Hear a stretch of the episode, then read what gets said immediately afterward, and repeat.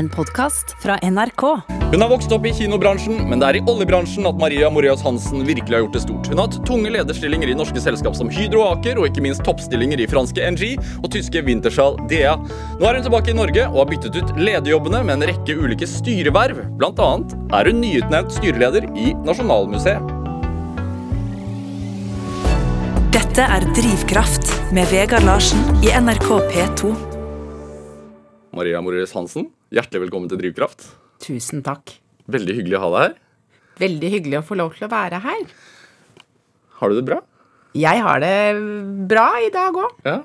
Vært og trent, har jeg skjønt. Ja, jeg har vært og løpt i dag morges, og da får man jo veldig god samvittighet, så man kan nyte resten av dagen. Hvor tidlig snakker vi? Eh, vi møtes utenfor meg kvart på syv, og i dag var det veldig tidlig, for det ble veldig sent i går. Det er jo litt sommerstemning og sosialisering fortsatt. Er det litt sånn sent kvelden før, ut og løpe dagen etterpå? Det er, det er sånn næringslivstoppene driver. Eh, jeg, på en måte så får jeg det til, da. Og jeg tenker sånn at det er ikke så vanskelig å trene når du har litt sånn dagen deg på, fordi at du driver jo med smerte likevel, og da kan man liksom bare ta den ene, så tar man den andre. Og så etter det, så er, det, er du klar. Det er litt sånn dobbel pining. Dobbel Ja, så får svettet ut. Hva, hva slags trening? Løping? Altså lengdeløp, eller er det Intervalltrening. Dette var jo noe vi gikk sammen om, noen venninner eh, som har løpt litt sammen. Fikk vi med oss en eh, trener, og så pisker han oss rundt eh, og deler ut intervaller da, som vi løper. hvor, hvor mange snakker vi? Nei, vi, stort sett så løper vi bare fire intervaller. Så vi løper litt før og litt etterpå, og så fire intervaller. En eller annen variant, da. Bakke. Bakke, eksempel. Ja, Ja. det er ikke noe tull. Nei. Er det Hvor viktig er det, tenker du, å komme opp tidlig om morgenen?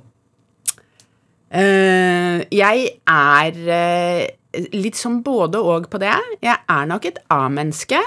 Uh, så den perfekte morgenen for meg er være uthvilt, da. Stå opp tidlig, hente meg kaffe og avis, sette meg i sengen og lese aviser og drikke kaffen, høre på radio, og så liksom begynne dagen litt sakte. Så for at jeg skal da trene klokken syv, så står jeg opp klokken seks. Ja. Jeg vil ha en kopp kaffe, og jeg vil liksom Det verste jeg gjør, er å gå rett ut av sengen og liksom begynne med noe. Stress. Det, stress, liksom. Ja. Hvor, hvor, hvor godt er dagen planlagt, da? Eh, morgenen er ofte litt eh, godt eh, planlagt. Så jeg rydder liksom før jeg går og legger meg, hvis du skjønner. Jeg er den typen. Det er ikke sånn at jeg våkner til kaos. Er det et slags sånn life, life hack? Altså sånn, hvis man har det ryddig kvelden før, så Ja. Jeg er jo en sånn person som eksempel rer opp sengen hver dag. Ikke sant? Og det, det har jeg skjønt, det er jo egentlig beskrivende for meg. Ikke sant? Det å gå ut av døren uten å redde opp sengen, det er eh, uaktuelt. hvorfor det? Nei, så jeg er, jeg er veldig glad i å rydde. Rydde er nesten hobbyen min, liksom. Hvis jeg virkelig skal sånn hvile hjernen, så er det å rydde helt fantastisk. For da tenker man ikke, eller? Nei, da kan du tenke på noe annet. Det er liksom? Det føles liksom litt produktivt, og så, så kan bare hjernen bare gå, da. For det er jo det som er litt sånn deilig med å drive med noe manuelt. Det er jo at da kan jo hjernen liksom holde på. Men er det Hva skal man si en normal ryddighet, eller er det nærmest kartotek?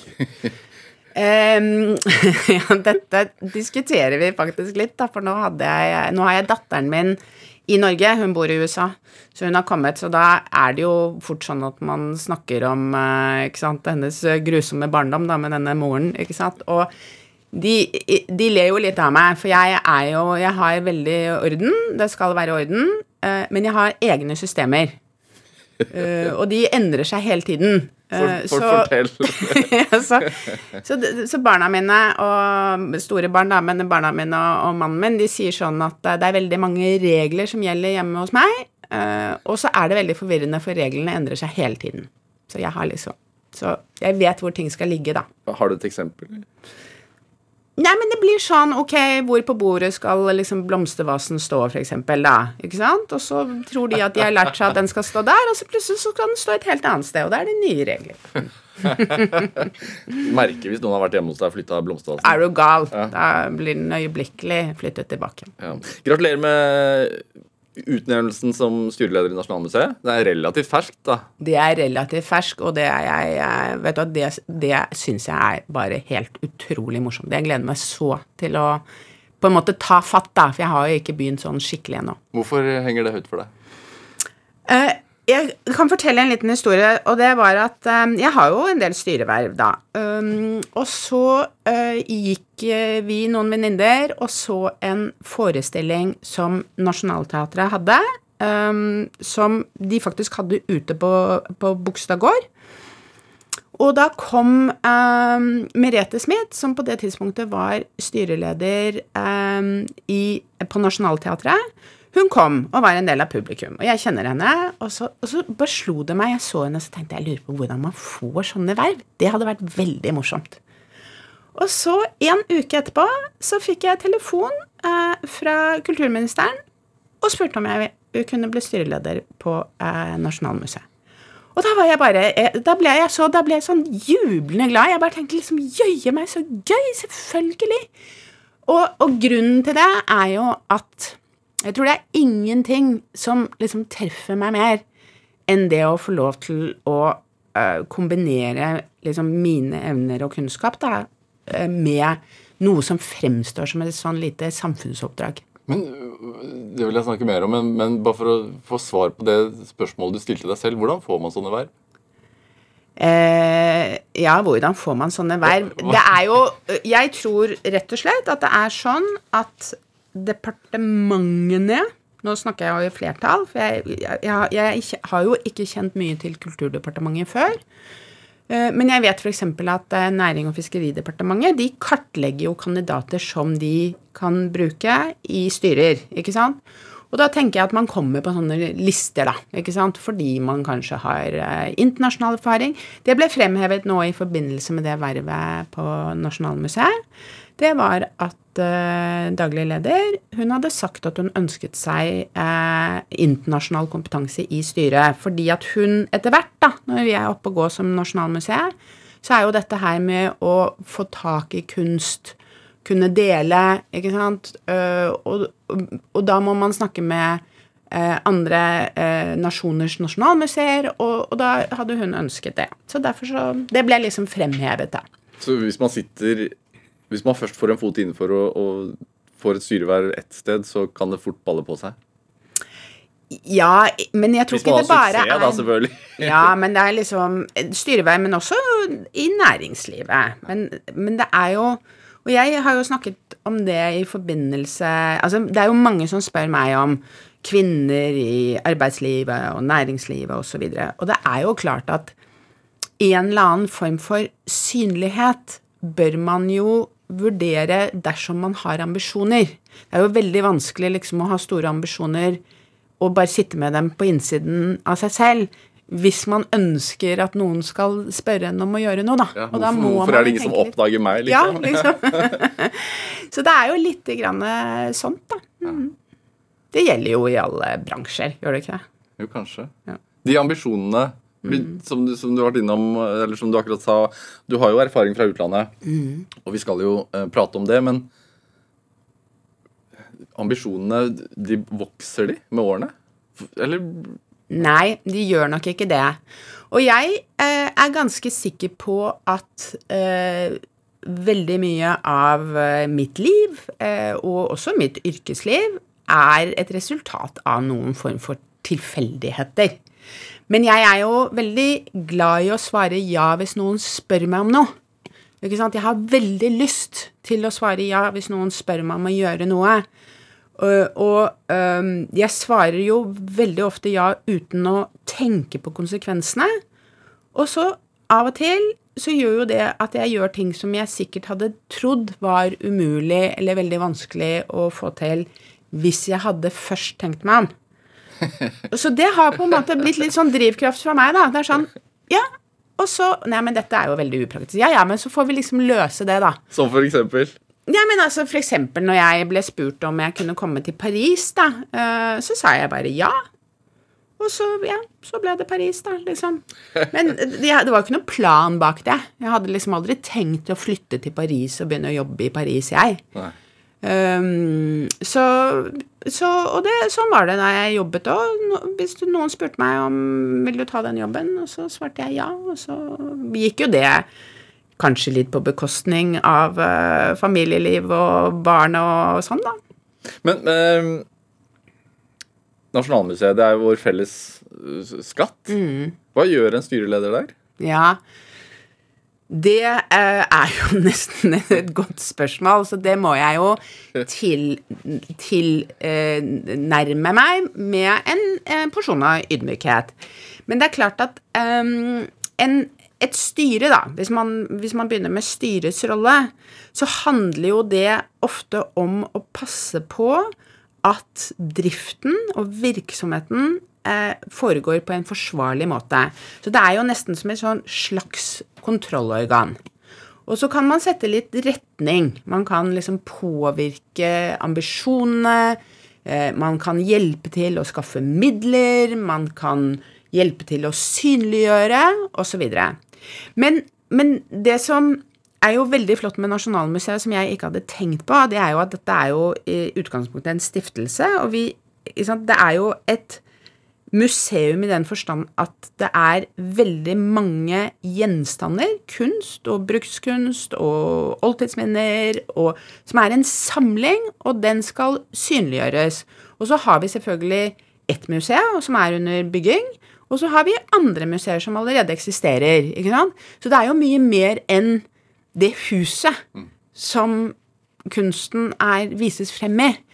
Eh, Så jeg lærte jo f.eks. at eh, Nasjonalgalleriet er navnet på den bygningen som eh, huset Nasjonalmuseets samling før, da.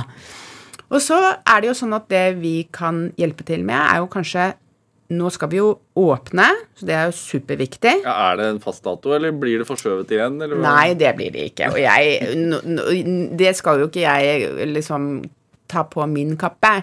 Men jeg, jeg føler meg ganske trygg på at når man nå har gått ut og satt en dato, en åpningsdato, så er det jo fordi man er veldig trygg. Nå er jo nok kongefamilien invitert. Altså, ikke sant? Nå er det alvor. Hva er datoen? Eh, 11. juni neste år. Eh, og så er det et stort program som eh, er lagt i forkant og etterkant av det. Eh, så nå handler det jo om å få kunsten og gjenstandene på plass. ikke sant? Om selve kureringen og fyllebygget. Eh, og, så går man frem mot den eh, datoen, som blir kjempespennende. Og så sier da Karin, som er leder, så sier hun at men det styret kanskje kan hjelpe meg med, er å tenke en liksom, hva, hva kommer etterpå? Liksom, hva skal være vår neste ambisjon? For nå, på en måte så har jo Du kan jo nesten si at Nasjonalmuseet har jo på mange måter vært litt stengt. ikke sant? Det er nesten som Vi har vært inne i en sånn mellomfase.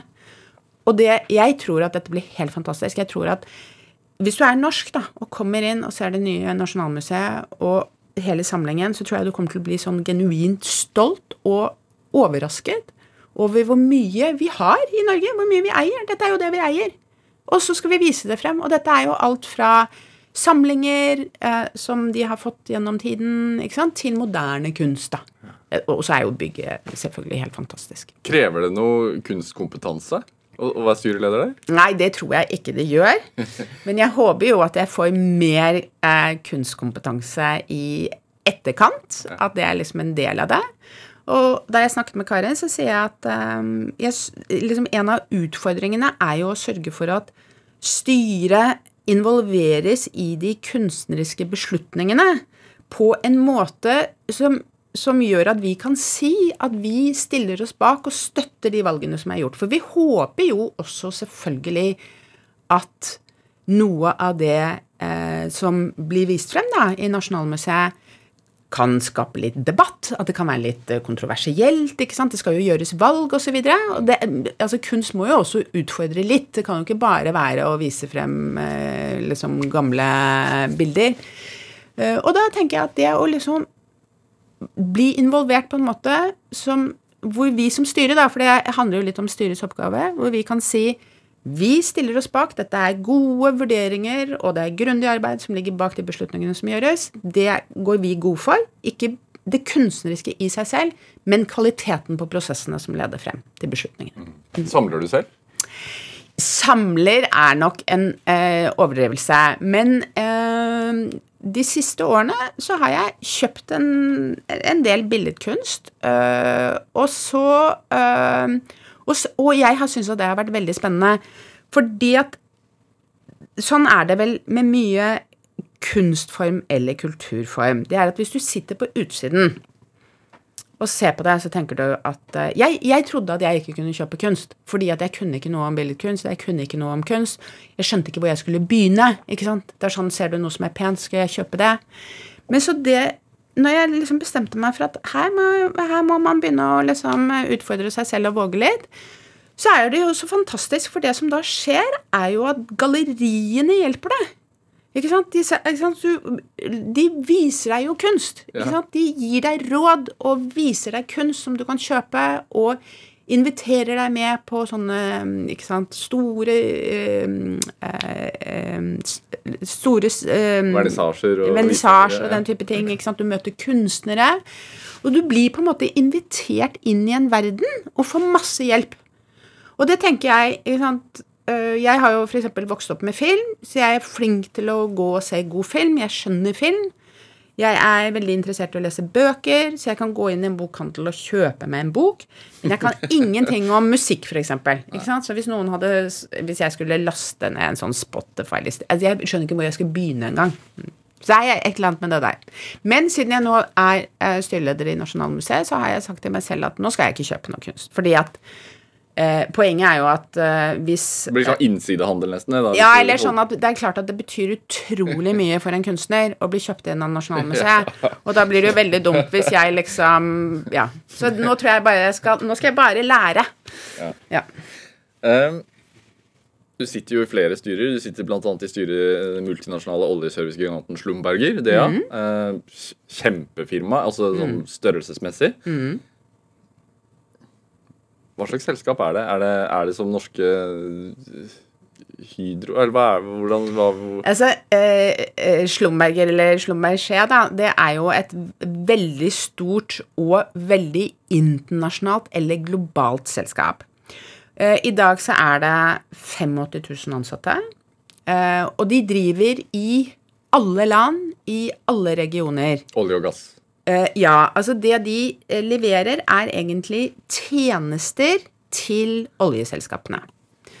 Eh, eller olje- og gasselskap, da. Og de har vært mye større, og har jo møtt liksom utfordringer, være seg finanskriser eller oljekriser, eller nå sist, ikke sant, covid osv. Um, og så har de et veldig kjent merkevare. Det betyr liksom at hvis du jobber i oljeindustrien, så vet du hvem Slumberger er.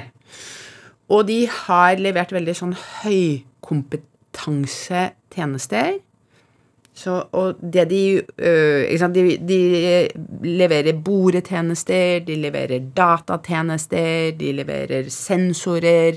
Men i utgangspunktet så handlet det jo egentlig om å senke utstyr ned i, i brønnene, altså i borehullene, og samle inn seismiske eh, signaler. Det var liksom den begynnelsen, da. Og det gjør de fortsatt. Altså, de logger brønner. Det er kanskje deres aller største tjeneste.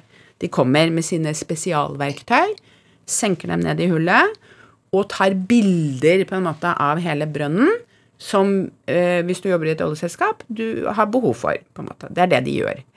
Men det som er så spennende med Slumberger, er at de faktisk opererer i absolutt alle regimer, i alle land. Eh, de er genuint internasjonale.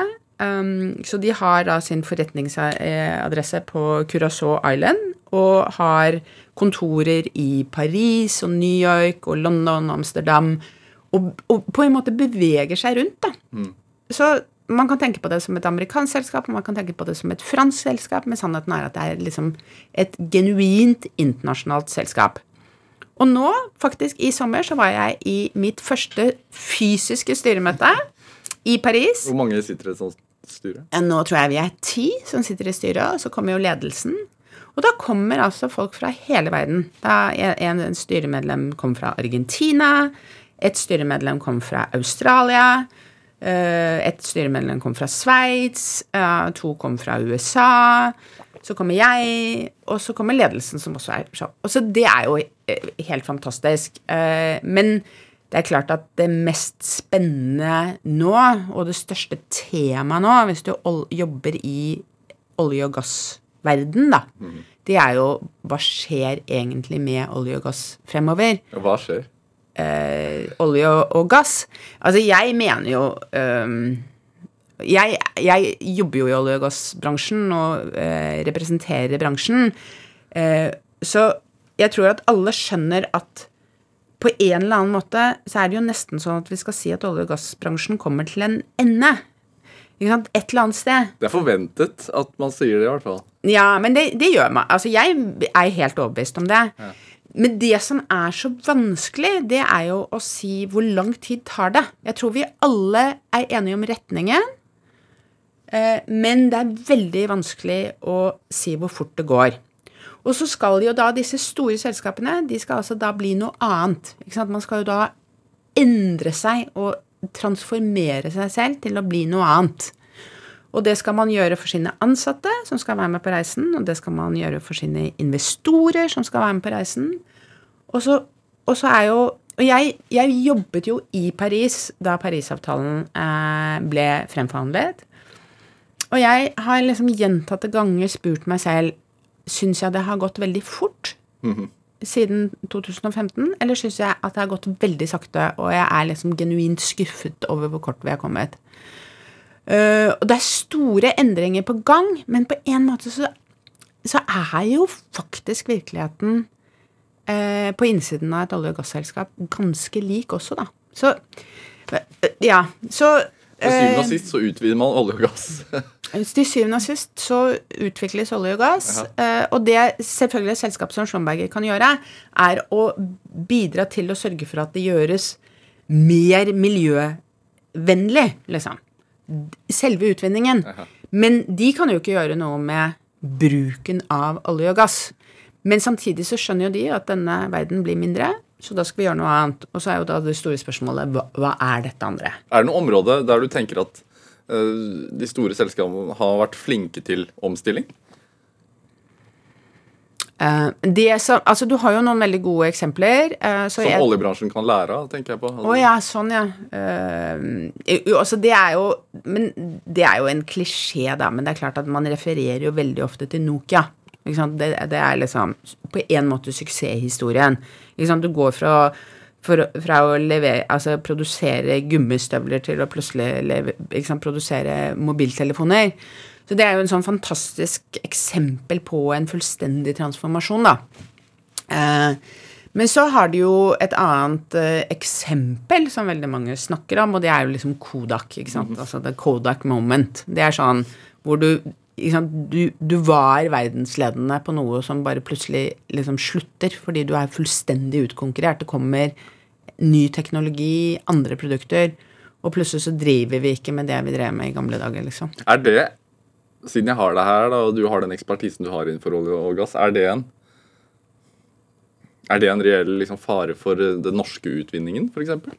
Sånn at sånn som nå når man har driller etter nye altså driller på mm. nye felter nå som kanskje tar ti år før de kommer i mm. gang, og så tar det enda en stund før man vinner ut, og så mm. tar det enda en stund før man faktisk går i overskudd. Mm. Er det en fare for at det kan bli som Kodak?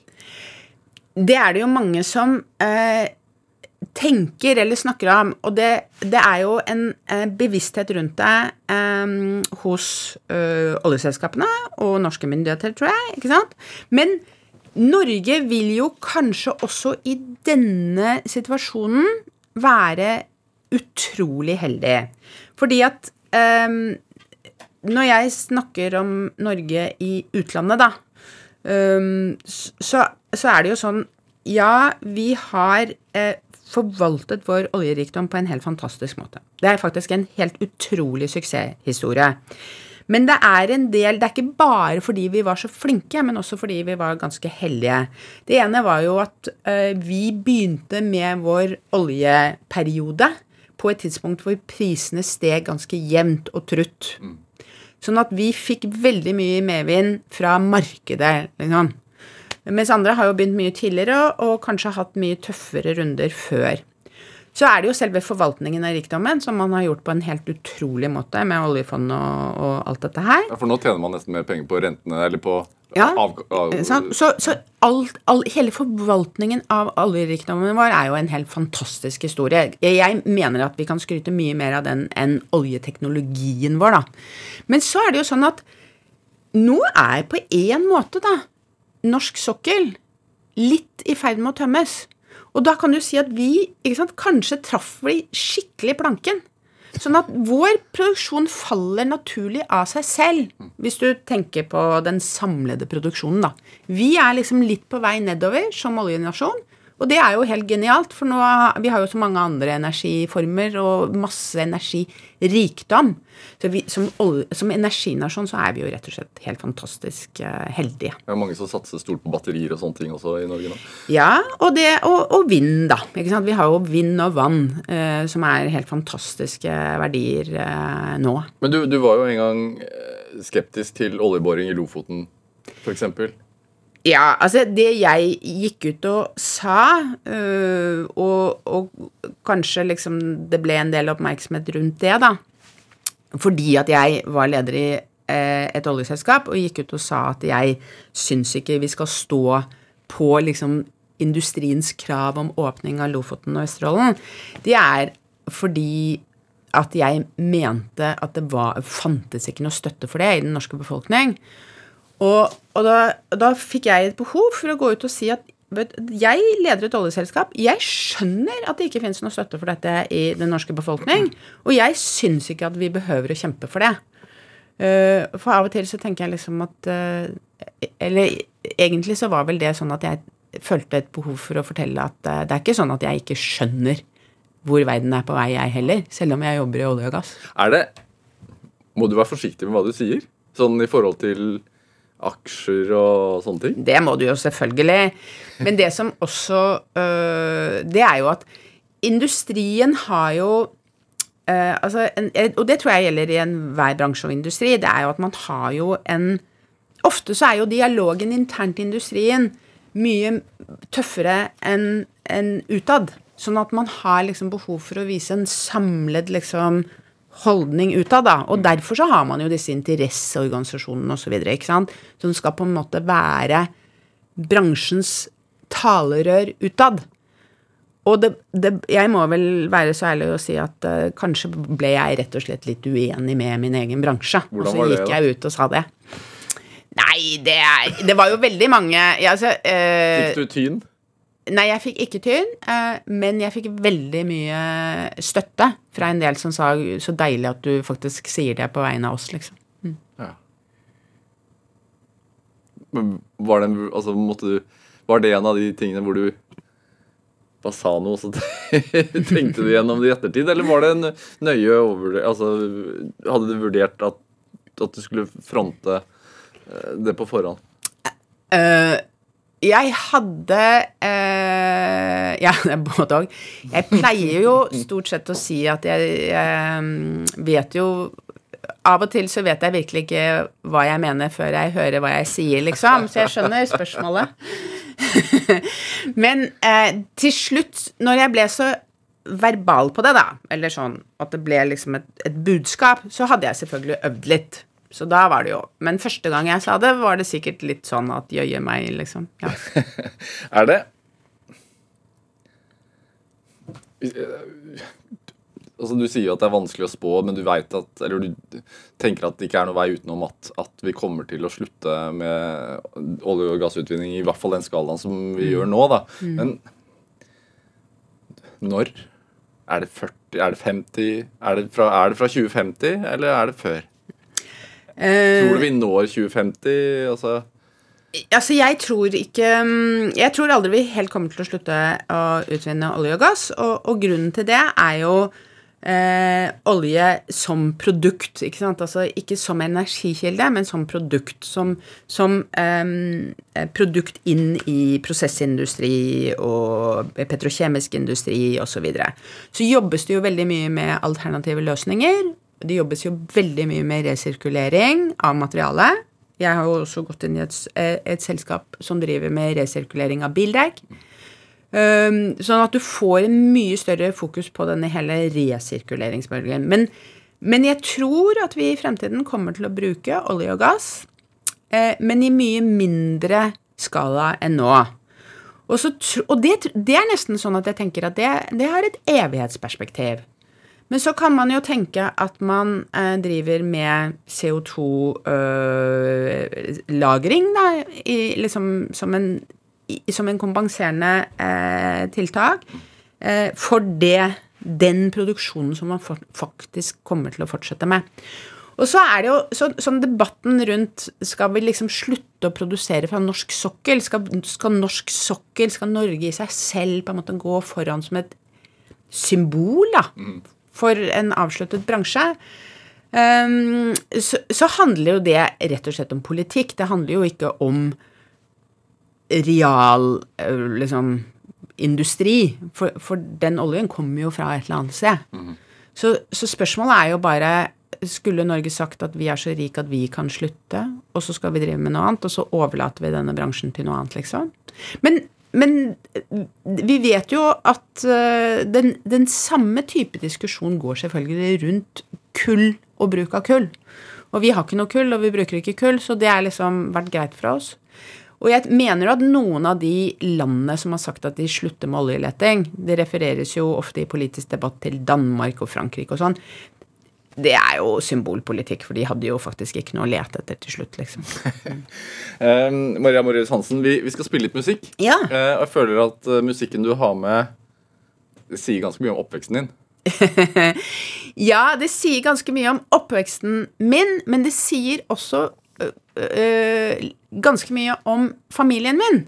Eh, fordi at Jeg har jo da valgt musikk fra Star Wars. Og det er selvfølgelig Jeg var på premieren jeg på den første Star Wars-filmen på Colosseum er desember 1977. Ikke sant? Og har vært på premierene på alle Star Wars-filmene. Men så det er jo selvfølgelig et resultat av uh, moren min og oppveksten min. Men det er faktisk sånn at når jeg og mine voksne barn og, og storfamilien og sånn skal gjøre noe veldig, veldig, veldig hyggelig sammen, mm så setter vi oss ned og ser på uh, Star Wars eller Ringenes herre-filmer. Og det er liksom Det er vår greie. Så mannen min, da, som jo kom inn i livet på et senere tidspunkt, han syns jo dette var veldig overraskende. Jeg tror ikke det liksom syns på utsiden av meg at jeg er sånn Star Wars-fan, da. Det er ikke det de første de tenker på. Så han ble, han ble genuint overrasket da han måtte være med på Star Wars-premiere med datteren min og meg, og vi liksom begynte å klappe når musikken kom. Da, var, da tror jeg han liksom begynte å sette spørsmålstegn ved hele ved hele parforholdet. Ja, Du nevnte jo moren din, moren din Ingeborg Moreus Hansen, som tidligere kinodirektør i Oslo. Nå hører vi eh, ikke hele, der, for den er lang, men i hvert fall John Williams med tema fra Star Wars.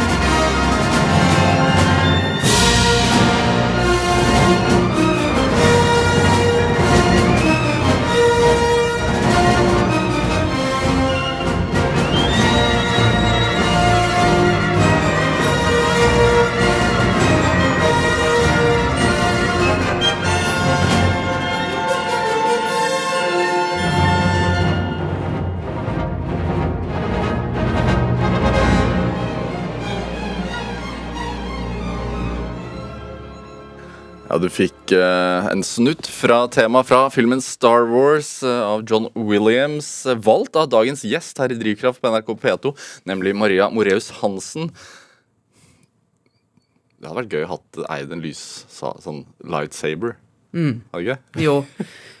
Eller det hadde vært veldig morsomt å ha sin egen kinosal. Og så kunne jeg bare satt meg ned, og så kunne jeg sett sånn. Mm. Det er ingen Jeg tror det er ja. Ha, har ikke du råd til en egen kinosal? eh? for, å Jeg vet ikke om jeg har råd til det. Jeg har jo noen venner som har en kinosal, liksom. Jeg blir veldig misunnelig når jeg tenker på det. Men uh, vi ser mye film fortsatt, men ikke, ikke Vi har ikke egen kinosal. Men har du vært opptatt av universet og stjernene og sånn, eller er Nei. bare rent underholdning, dette her? Ja, litt underholdning, men ehm,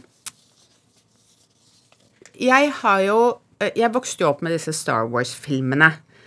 Og og så til slutt så blir det jo sånn at det er så gøy fordi du har vært med på hele reisen. Ikke sant? Du har liksom tatt den ene filmen etter den andre.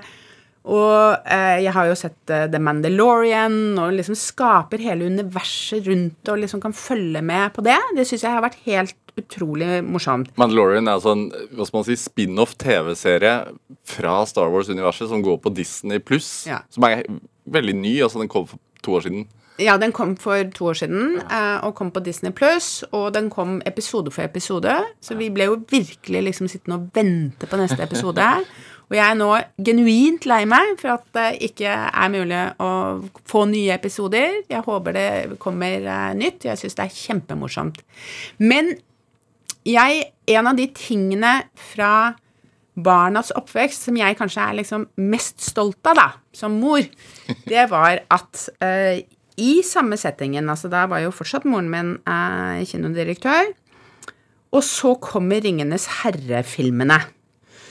Og da var mine barn veldig små. eh, De var seks og syv år. Og da tok jeg og leste hele Ringenes herre-boken for dem høyt. Det tok meg ett år. Hver, hvert ord. Hver side.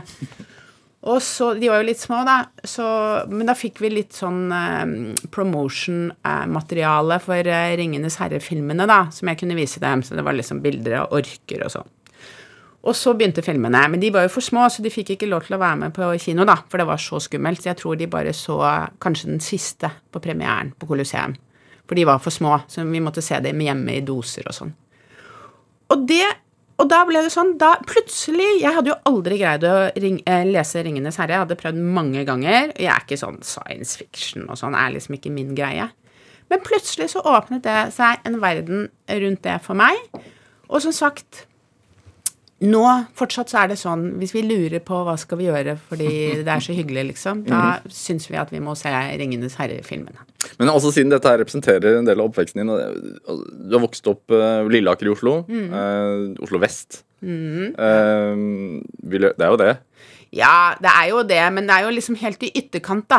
Og nå i ettertid så pleier jeg å si at jeg vokste opp på CC Vest, for det er jo egentlig Kjøpesenter. Ja. Kjøpesentermekka for vestkanten og Bærum i Oslo. Um, hvordan, hvordan oppvekst har du? Eh, jeg har eh, en veldig vanlig oppvekst, tror jeg faktisk at jeg kan si. Altså veldig sånn trygge omgivelser. Eh, eh, jeg vokste jo opp i et kanskje over gjennomsnittlig samfunnsengasjert hjem. hvor faren og moren min var veldig opptatt av politikk. Og Høyre, selvfølgelig. Og jeg Faren din var aktiv i Høyre. Ja, egentlig begge to var De hadde møtt hverandre på et eller annet form for Høyre-møte. Eh, og pappa var jo statssekretær eh, og rådgiver eh, for mange ministre og statsministre, og, og det var jo sånn at stemningen hjemme gikk jo litt opp og ned med Høyres plassering på meningsmålingene. De gjorde det. Uh, og, så det var jo veldig mye det. Og så kom jo da moren min gradvis inn i politikken. Um, og, og fikk jo da denne liksom kulturelle tilnærmingen, da. Først så satt hun jo i styret i Oslo Kinematografer. Og så ble hun uh, først uh, kino... Altså filmsjef. Så hun satt jo i ledelsen. Jeg tror hun fortalte meg at hun hadde sittet i ledelsen i Oslo Kinematografer i 25 år. Og så ble hun kinodirektør. Men hun ble jo kinodirektør samtidig som min datter ble født, som da er 28 år siden. Så det er klart at uh, vi hadde jo en lang familieliv før hun ble den store direktøren. Ja, for da ble hun jo kjent uh, i norsk offentlighet fordi at hun Ja, også som filmsjef tror jeg hun var kjent offentlig, da. Ja. Mm. Hadde en sterk forkjærlighet, uh, og har sikkert fremdeles, for fransk film. Og, og, mm. og, og var veldig opptatt av filmkunst, da. Og det var jo flott. Um, var det Hva slags krav ble stilt til deg hjemme da? Sånn karrieremessig? Altså Var det tidlig sånn Nei, det var jo Altså, det var min bror og jeg. Uh, broren min er uh, ett og et halvt år eldre enn meg. Mm. Uh, og jeg det var Altså, jeg ble jo uh, sendt på skolen da, som litt uh, Da jeg var liten, på en måte. For da hadde de ikke fått plass til meg i barnehagen, så da måtte jeg begynne på skolen. Så jeg gikk på sånn opptaksprøve, da. Så kunne jeg begynne et år tidligere. Og så Det var sånn interessant, jeg, og jeg er nok sånn som foreldre selv, da. Det var sånn Det ble aldri stilt noe eksplisive krav. Det var aldri sånn, De var ikke noe interessert i karakterkortet, f.eks. De bare forventet at vi gjorde det bra. Hvordan det var sånn enorm sånn forventning til at du skulle yte Du skulle liksom gjøre ditt beste. Og de Jeg tror de nærmest liksom fortalte oss at vi var intelligente, og er du intelligent, så gjør du det bra på skolen. Og, og så er vi liksom ferdigsnakka. Så vi gjorde det jo bra. Ikke sant? Og jeg tror på en måte at jeg har gjort det samme med mine barn. Altså, Jeg har jo ikke egentlig hjulpet dem og sånn. Så det er den derre forbildeideen, da.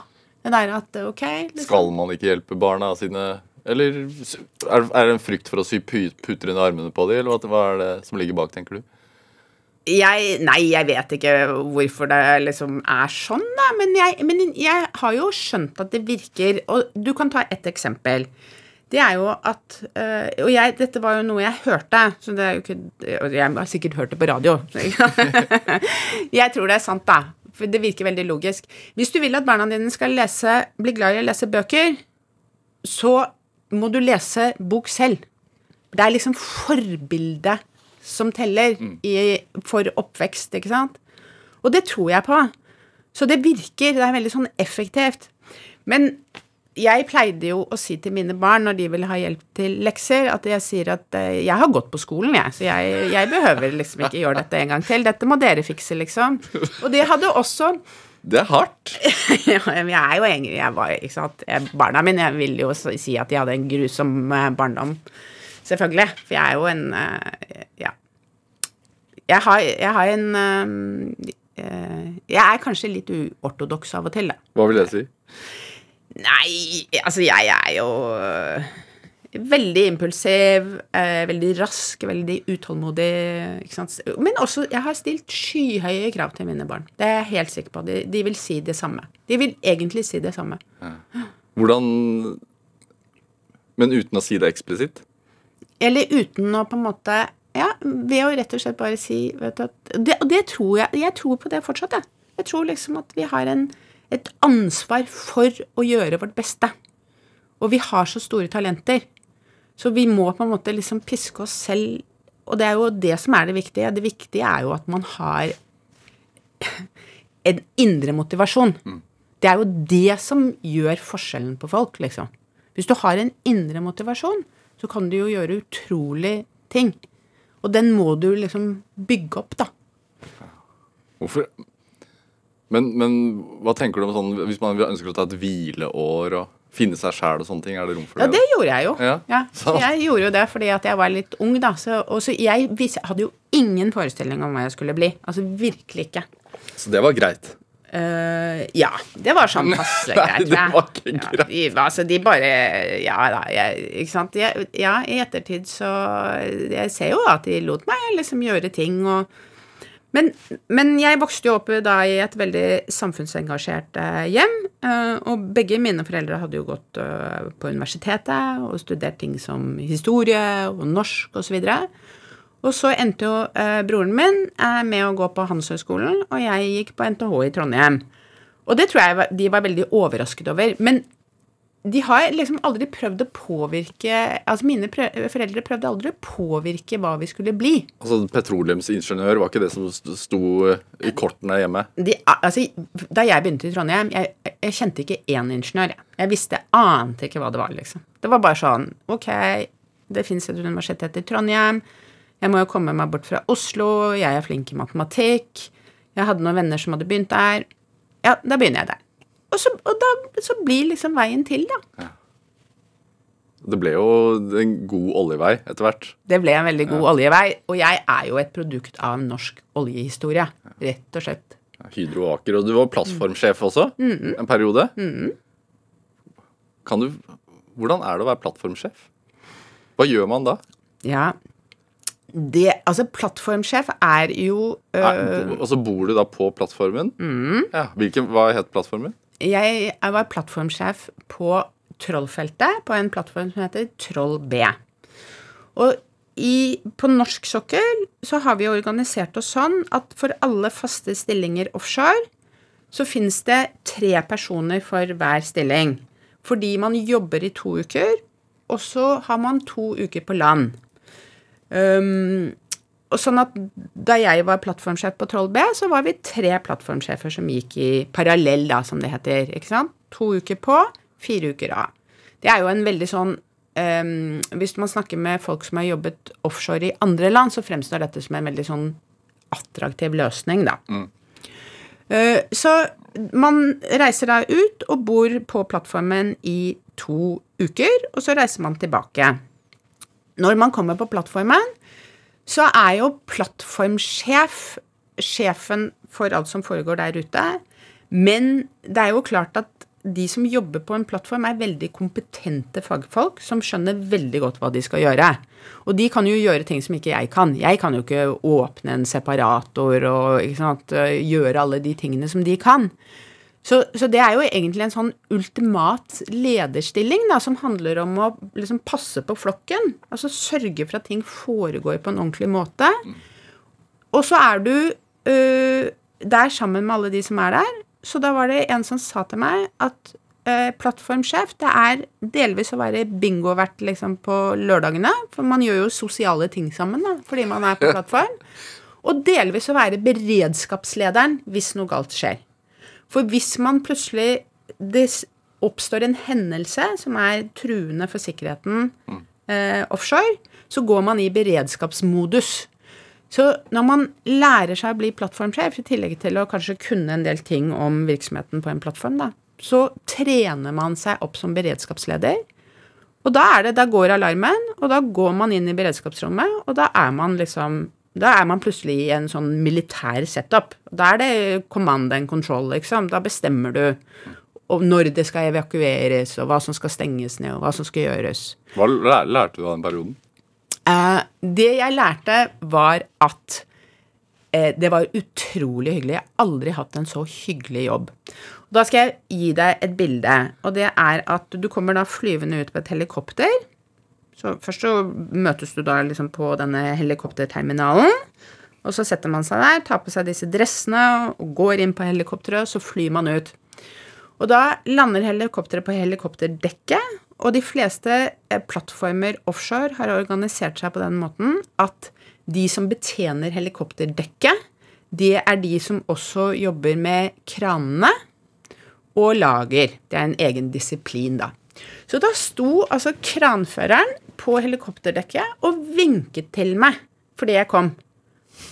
Så, så jeg har alltid etterpå så har jeg sagt sånn Hvorfor står ikke dere og vinker? Jeg kommer jo på jobb, liksom. Og de var sånn, de sto og vinket da jeg kom, og de vinket da jeg dro.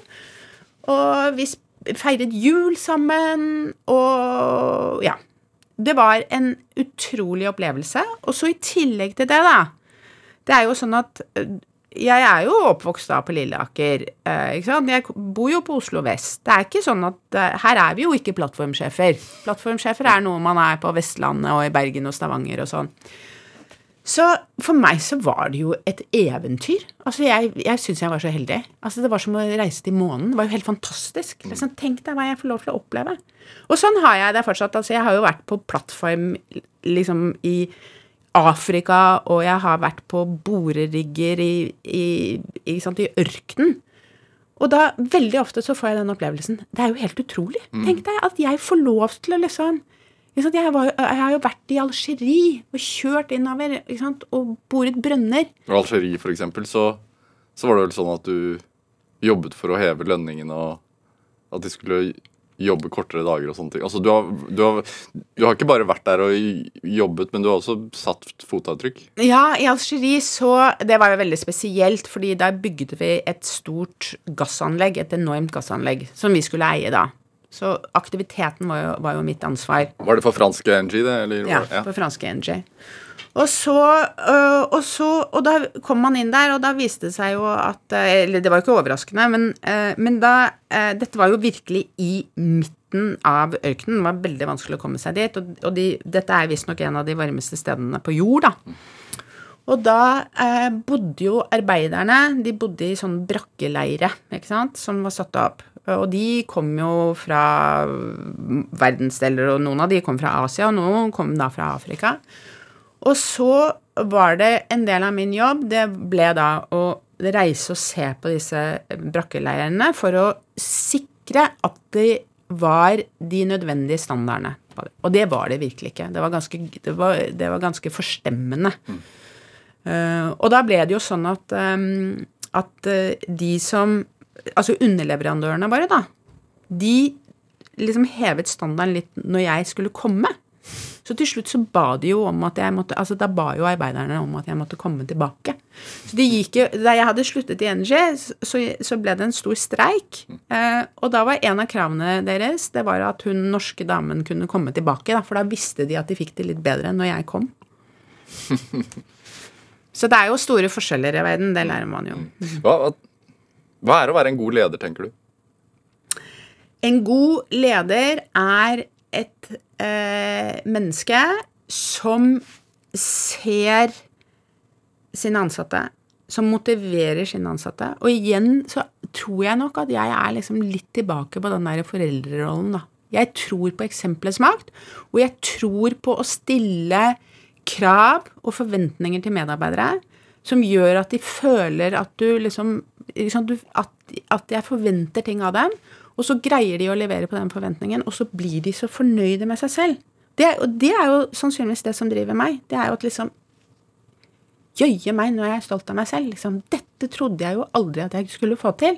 Og så fikk jeg det til. Men er det vanskelig å please deg, tror du? Eh, ja, det tror jeg. Det er jo en nærmeste umulighet.